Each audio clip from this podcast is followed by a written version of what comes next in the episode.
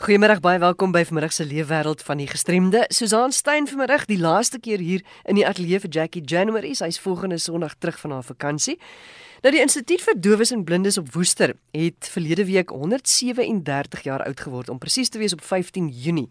En die instituut het ook 'n nuwe naam gekry. Vandag is dit bekend as Innovation for the Blind. Nou ons gaan kyk hoe die instituut oor die afgelope jare verander het en ook op watter manier elkeen van ons dalk 'n bydrae tot die sentrum of die instituut kan lewer.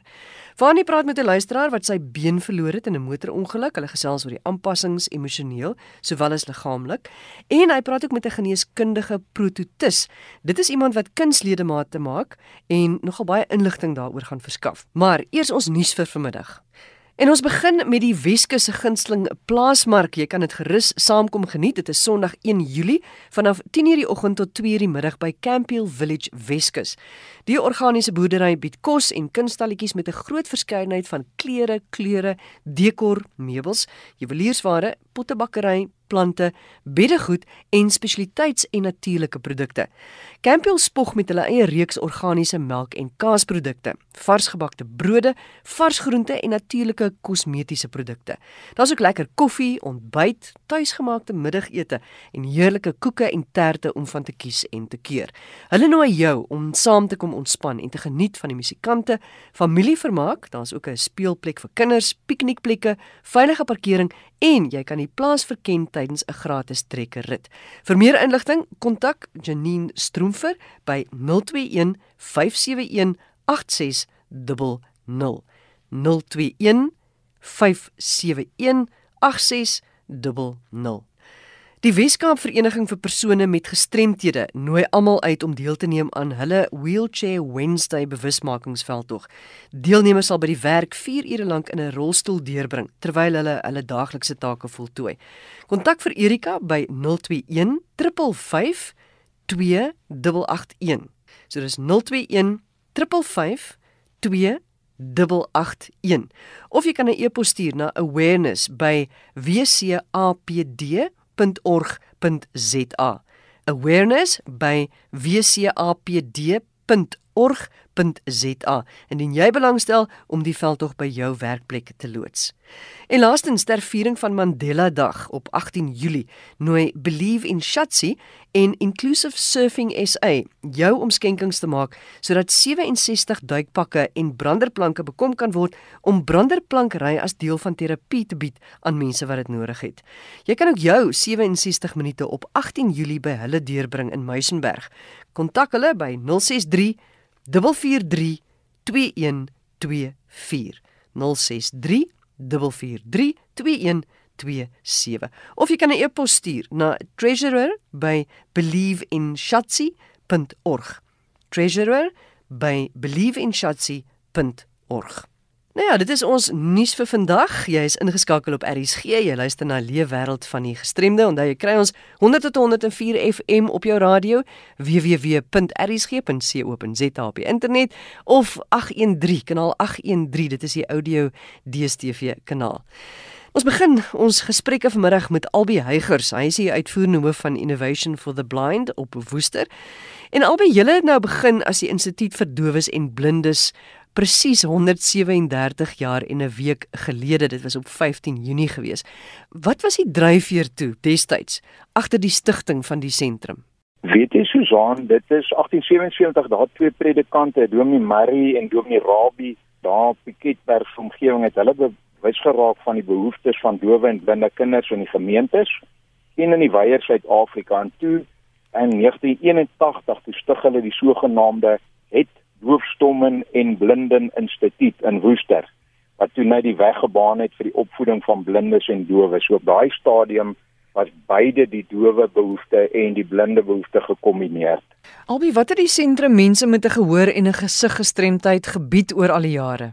Weet jy Susan, as daar's 'n skokkende syfer in terme van werkloosheid rondom uh, daai persone en dit is wat iets so 97% van hulle veral aan die blinde kant is werkloos. Dis uiters moeilik veral vir die blinde persone om werk te kry en hierdie eers gekombineerde instituut en toe later het daar die aparte fokus ge, uh, begin ek dink so 19 105 was daar die aparte skole gestig, die skool vir dowes aan die een kant en die skool vir blindes. Nou ek gaan net so 'n bietjie verder vat op die skool vir blindes se kant, maar regdeur was daar 'n kombinasie van 'n beskermingsbehoefte om mense blyplek en 'n beskermde omgewing te gee, maar ook om te kyk na werksgeleenthede om daai as ek die Engelse term kan gebruik to be gainfully employed.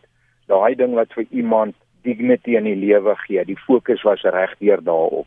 Albei nou, nou is om te sê die wêreld het so 'n klein bietjie verander sedert 1877 en 1881. Eerstens het die sentrum se naam verander. Julle is nou Innovation for the Blind. Hoekom het hierdie naamsverandering plaasgevind? Susan, ek het hier begin so September verlede jaar en toe het hierdie organisasie verskeie groot uitdagings uh, in die gesig gestaar. En net om vir 'n paar te noem, die hele donateursmark het ontplof. Jy weet jare terug het mense gesê, "Man, ek gaan 'n nalatenskap los vir die dowes, vir die blindes, vir sendingwerk en vir Bybelverspreiding." Deesdae is daar 'n plethora van sake waarvoor mense graag wil geld gee, van reddingsinstituie tot mense wat geld laat vir hulle troeteldiere ensovoorts ensovoorts. So daar's baie meer opsies in daai mark en ook ons almal weet dat die ekonomie uiters uitdagend uh, deesdae is. So mense gee steeds, maar hulle gee minder en het baie meer opsies. En daai goed het nou nader aan die instituut vir blindes waarvan ons nou praat, uh, gekom tot so 'n mate dat daar ingrypende veranderings nodig was. Ons het toe gesê, hoe wat kan ons doen om enerzijds die beste van tradisie te behou? Met ander woorde, dit waarop mense trots is, dit wat die saak waarvoor jy staan, maar dit ook kombineer aan iets toekomsgerig wat 'n organisasie vestig wat sakemanne en ander ook kan verstaan en sê my jette man maar hierso is 'n nuwe winsgewende organisasie wat nie net 'n hand uithou en sê help my gee vir ons nog geld hmm. en so voort nie hier's dit hier's 'n span met 'n plan en dis toe wat ons die twee kombineer die for the blind met die innovasie fokus en dis waar die naam innovation for the blind vandaan kom. So wat is al hierdie nuwe ontwikkelinge of verwikkelinge of uitvindings wat julle nou het of gaan gebruik om hierdie plan van julle te realiseer? Daar's 'n paar goed wat ons gaan doen Susan. Ons kernaktiwiteit gaan steeds bly die versorging van volwasse persone van ouderdom 18 tot gevorderde ouderdom in ons huise maar by dit wil ons nou 'n klomp ondernemings ontwikkel wat dan nou bestaan uit dinge soos joint ventures met goed rondom ons eiendomme, die gebruik van tegnologie, aanlyn geleenthede. Daar's 'n hele paar interessante goed, maar as ek net vir 'n oombliekie by die ene kant vassteek wat jy nou gevra het, jy praat oor tegnologie. Weet jy vir my en jou maak tegnologie die lewe makliker. Vir 'n visueel gestremde persoon kan dit 'n radikale impak in hulle lewe maak Ek kan jou 'n idee gee. Ek weet nie of jy geweet het uh, Susan, daar's al oor 1000 apps wat uh, blinde persone help met hulle dag-tot-dag lewe.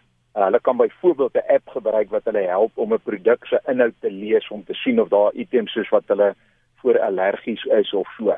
Nou as jy dink aan die moontlikheid wat tegnologie dan na hulle toe kan bring om die aktiwiteite wat hulle kan verrig uit te brei en ook die aktiwiteite wat hulle miskien na werksgeleentheid kan bring. Want mense is baie keer maar skrikkerig. Jy stel 'n visueel gestremde persoon aan maar hoe gaan die persoon rondbeweeg in die kantore? Hoe gaan gaan dan nou heeltyd iemand na daai persoon moet omsien? En dis dis veral daar wat ons um, kyk na die ontsluiter wat uh, tegnologie teweeg kan bring Albei nou mense wat wat nou vanmiddag luister en wat graag betrokke wil raak, wat deel wil raak, want ek is seker daarvan daar's mense wat 'n bydrae kan maak of daar's mense wat saam kan werk. Uh ek dink die leer ken mekaar proses is ook baie belangrik. Hoe kan 'n mens betrokke raak? Ag dankie Susan, nee, weet jy wat, ons sal baie graag met baie meer vriende wil konnekteer en ons weet dat dinge begin by ken mekaar, dan gaan dit oor na 'n vriendskap en dan later sê iemand, maar weet jy wat, ek is nou so verbonde aan hierdie saak. Ek wil graag eh, 'n uh, donateur word. En dan eh, 'n uh, fantastiese ding wat gebeur is dat mense self dan later in hulle later jare sê hulle maar weet jy wat, ek wil baie graag 'n nalatenskap los, iets wat regtig 'n impak maak. En dan is daar mense wat in in uh, as nalatenskap los hulle iets aan die instituut of aan uh, innovation for the blind. En ons die maniere wat mense ons kan kontak as hulle kan na ons uh, webwerf toe gaan en dit is baie maklik. Dis die naam innovationfortheblind.org. Daar kan hulle ons besonderhede kry. En as daar iemand is wat sommer net nou luister en op hulle selfoon net wil intik die woord blind of blind en dit SMS na 40069 dan maak hulle sommer vinnig 'n R20 'n donasie ook op daai manier. So een van uh, beide van daai sal baie welkom wees. Op watter maniere kan 'n mens nog betrokke raak as jy nou nie net finansiëel wil betrokke raak nie, want ek is seker af van mense kan op 'n ander manier tog betrokke raak. Susan, weet jy, ons kyk na verskeie maniere. Ons kyk na uh, eh, joint venture waar sakemanne na ons toe kom en saam met ons ons um, geboue wil ontwikkel. Ons kyk daarna temas soos wat jy hier naby ons kry, dis Spice Route en Old Biscuit Mill en so voort. So mense het dalk optyd daarvoor. Ander mense wil dalk vir ons help om ons aanlyn geleenthede te ontsluit. Ander mense wil dalk 'n produkte saam met ons bemark met ons handelsmerk op. Ons kyk byvoorbeeld nou uh, daar's ouens wat um, goed oorweeg soos blueberries. Daar's ander weer wat oorweeg uh, dekoratiewe uh, materiale en so voort. So daar is geleenthede vir sakemanne om met ons te skakel maar die algemene publiek is baie welkom om sommer net te kyk op ons uh, webwerf. En dit is baie maklik. Dit is ons naam innovationfortheblind.org of hulle kan ons net e-pos op info@innovationfortheblind.org Albie baie dankie. Dit is Albie Heugers, hy is die uitvoerende hoof van Innovation for the Blind Woester. Net gou geweet die webadres www.innovationfortheblind.org. Jy kan ook 'n e-pos stuur na info@innovationfortheblind.org. Ons gaan voort met Leefwêreld vir die gestremde. Fanny is nou reg in Kaapstad en hy praat vanmiddag met Eugene Rousseau en Jan Kutse. Nou Eugene is 'n geneeskundige protetis. Dis 'n persoon wat spesialiseer in die maak van proteses of kunsledemate. En Jan is 'n persoon wat in 'n motorongeluk was. Hy het 'n ledemaat verloor en hy gaan sy storie vertel. Fanny. Vandag gesels ek met Eugene Rousseau en Jan Kutse. Welkom by ons. Dankie Fanny. Hallo. Goeiedag Fanny. Eugene, jy's 'n protetis. Vertel ons 'n bietjie meer daaroor. Korrek van die ja, ek is 'n geneeskundige protetis. Uh so dit is 'n persoon wat spesialiseer in die maak van protese of kunsledemate. Ja, want ons gaan net nou kyk na hierdie kunsledemate want jy Jan is iemand met 'n motorfietsongeluk betrokke was en ons gaan jou storie net nou hoor, maar as ek eers kan terugkom by die beroep en die uitdagings wat daarmee gepaard gaan, kom ons hoor eens hoe lank praktiseer jy al? So ongeveer 13 jaar. Ek het vir die eerste 6 jaar van my beroep gewerk, 'n uh, protese vervaardigingsmaatskappy en ek het in 2011 'n privaat praktyk oorgeneem uh, hier in Kaapstad. So praktiseer privaat vir die afgelope 7 jaar. Nou as 'n mens kyk na proteses in die algemeen, 'n mens kwaad van tegnologie wat so ontwikkel, Wat so ontwikkeling was daar met die jare? Ek glo ook maar baie. Ja nee, daar is noemenswaardige ontwikkelinge gewees veral in die in die afgelope 20 jaar en ek dink uh protese tegnologie volg ander tegnologieë wat daar ontwikkel veral in terme van materiale spesifiek verwysend na vir 'n koolstofvesel of die sogenaamde carbon fiber wat natuurlik 'n baie sterk en liggewig materiaal is dan ook die ontwikkeling van uh, mediese graad silikoon wat die aanhegting van protese en die gemak van 'n protese noemenswaardig kan verbeter. En dan elektroniese ontwikkeling, veral die tegnologie wat in selfone gekry word, word geïnkorporeer in protese komponente wat daai komponente se funksie noemenswaardig kan verbeter, veral in terme van die veiligheid van daai komponente. As iemand nou 'n ledemaat verloor, soos wat ons nou net nog gaan hoor van Jan, is die hospitaal verwysing na jou of hoe werk dit in die praktyk?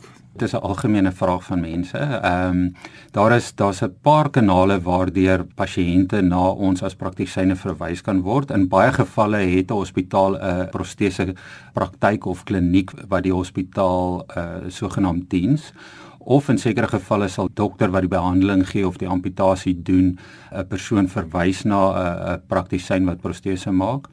In my praktyk spesifiek, ek kry baie verwysings uit die regspraktyk uit omdat ek baie regsmediese werk doen. So baie van daai mense is gewoonlik padongelukke fonds eisers of mense wat deur een of ander vorm van nalatigheid beseer was wat gelei het tot amputasie. So dit is 'n uh, nog 'n kanaal waardeur mense verwys word. Ek kyk saam met ons in die program die wêreld van die gestremde en ek gesels met Eugene Rousseau. Hy's 'n protetis en ek gaan net nou gesels met Jan Kutse. Hy is iemand wat sy linker onderbeen 8 maande gelede verloor het en ons is gaan gesels met hom oor die amputasie en dis meer maar as ek kan terugkom eers weer nog na jou Eugene. Ons kyk na kunsledemate, maar as dit dan nou nie 'n opsie is vir iemand nie, wat gebeur dan in so 'n geval? In meeste gevalle is daar 'n protese opsie. Daar is natuurlik 'n groot finansiële komponent daaraan wat wat ongelukkig in 'n realiteit 'n rol speel. Ehm um, so as ons die finansiële komponent uit die uit die prentjie uithaal, dan in meeste gevalle sal ons wel 'n protese kan pas, maar in 'n praktiese voorbeeld waar 'n persoon byvoorbeeld baie swak vel het as gevolg van 'n brandwonde of 'n uh, veloorplanting en die protese pas natuurlik uh, direk in kontak met die vel en die vel kan dit nie hanteer nie, dan is die opsie ongelukkig dat 'n persoon sal moet krikke gebruik of 'n rolstoel of 'n kombinasie van die twee.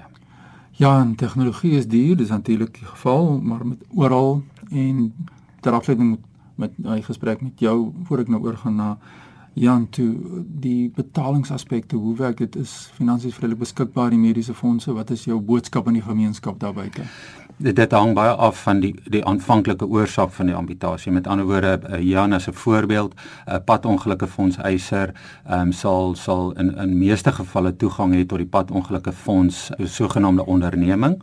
Privaat mediese fondse, meeste van hulle het 'n protese 'n voordeel wat wel 'n bydrae maak. My my raad sal wees enige persoon wat wel amputasie gehad het om na hulle protese kliniek te gaan uh, wat naby hulle is en die protese kliniek sal hulle basies raad gee oor waar om befondsing te kry. Ja, jy moet 'n pen en papier by die hand hou want aan die einde van ons gesprek gaan ek die kontakpersoon redeer gee waar mense kan kontak en meer uitvind oor die hele saak van proteses en amputasies en dis meer. Nou ons het nou baie oor jou gepraat Jan Kutsie, ons het verwys na jou. Jy's nou saam met ons hier vandag in die ateljee. Vertel vir ons wat het gebeur. Hoor ek was in 'n redelike ernstige motorfietsongeluk in 2013 waarna ons met 36 operasies probeer het om my been te red deur rekonstruksie. En dit het ongelukkig nie gewerk nie en ons het besluit middel verlede jaar om te amputeer. Nou daardie was jy op krikke. Ja, ek was was vir die hele 4 jaar op krikke. Dit is 'n moeilike ding. Krikke. Vertel ons 'n bietjie, vertel ons bietjie wat vat dit man? My been was uit seer gekry in die ongeluk. So verlede net jou been, jy verloor jou arms en jou hande want dit dit vervang nou jou bene en jy moet nou die krikke in jou arms en jou hande gebruik om te loop. Dit is redelik moeilik. Jy kan die basiese daaglikse take kan nie, nie meer verrig nie. Jy kan nie koffie maak nie, jy kan nie goed ronddra in, in en om die huis nie want jou hande is ook nou vas omdat dit jou moet help loop. Ja, dit raak jou hele mobiliteit in die algemeen en jou funksionering glo ek. Absoluut. Emosioneel? Ja. Emosioneel is dit rof vir iemand wat aktief was, soos ek soos ek was of is nou weer. Ehm um, is dit moeilik. Jy kan basies maar net badkamer toe stap en jy kan tot by die kar stap met jou krikke, maar jy kan verder niks niks doen nie. Jy kan nie saam met die kinders speel of trappe klim of enigiets soos dit hè. Ja, maar nou kom jy hier by my ingestap, jy trim die klim die trappe en uh, nou sê jy aan 'n mens, nê. Nee, wat was jou bekommernis voordat die amputasies nou plaasgevind het? Want dis nou 'n stap wat jy moet neem, nê, nee, en dan die protese dan het te kry. Wat is jou grootste uitdaging gewees? Emosioneel eerder? Emosioneel is is die grootste en die finaliteit van 'n amputasie is maar altyd daar. Dit is 'n baie groot besluit. Jy wonder se altyd of jy weer sal kan loop omdat dit 'n baie onbekende ding is vir meeste mense. Ek is nou besig met krikke, gaan die amputasie gaan vir my erger lewe gee, gaan dit vir my beter wees? Gaan ek wel kan loop, sal ek weer kan aktief wees? Dit is maar jou grootste ding is daai wonder wat gaan gebeur? Hoe gaan dit wees na amputasie? Is 'n luisteraar vra wat vra die lewensduur van so 'n protese? Die lewensduur van 'n protese, ek het ek het dit nou maar vir 8 maande, soos soos jy wel gesê het, van nie maar dit hang af uh, Eugene sal op dit beter kan antwoord. Ja, Eugene, wat sê jy vir die gemeenskap daaroor?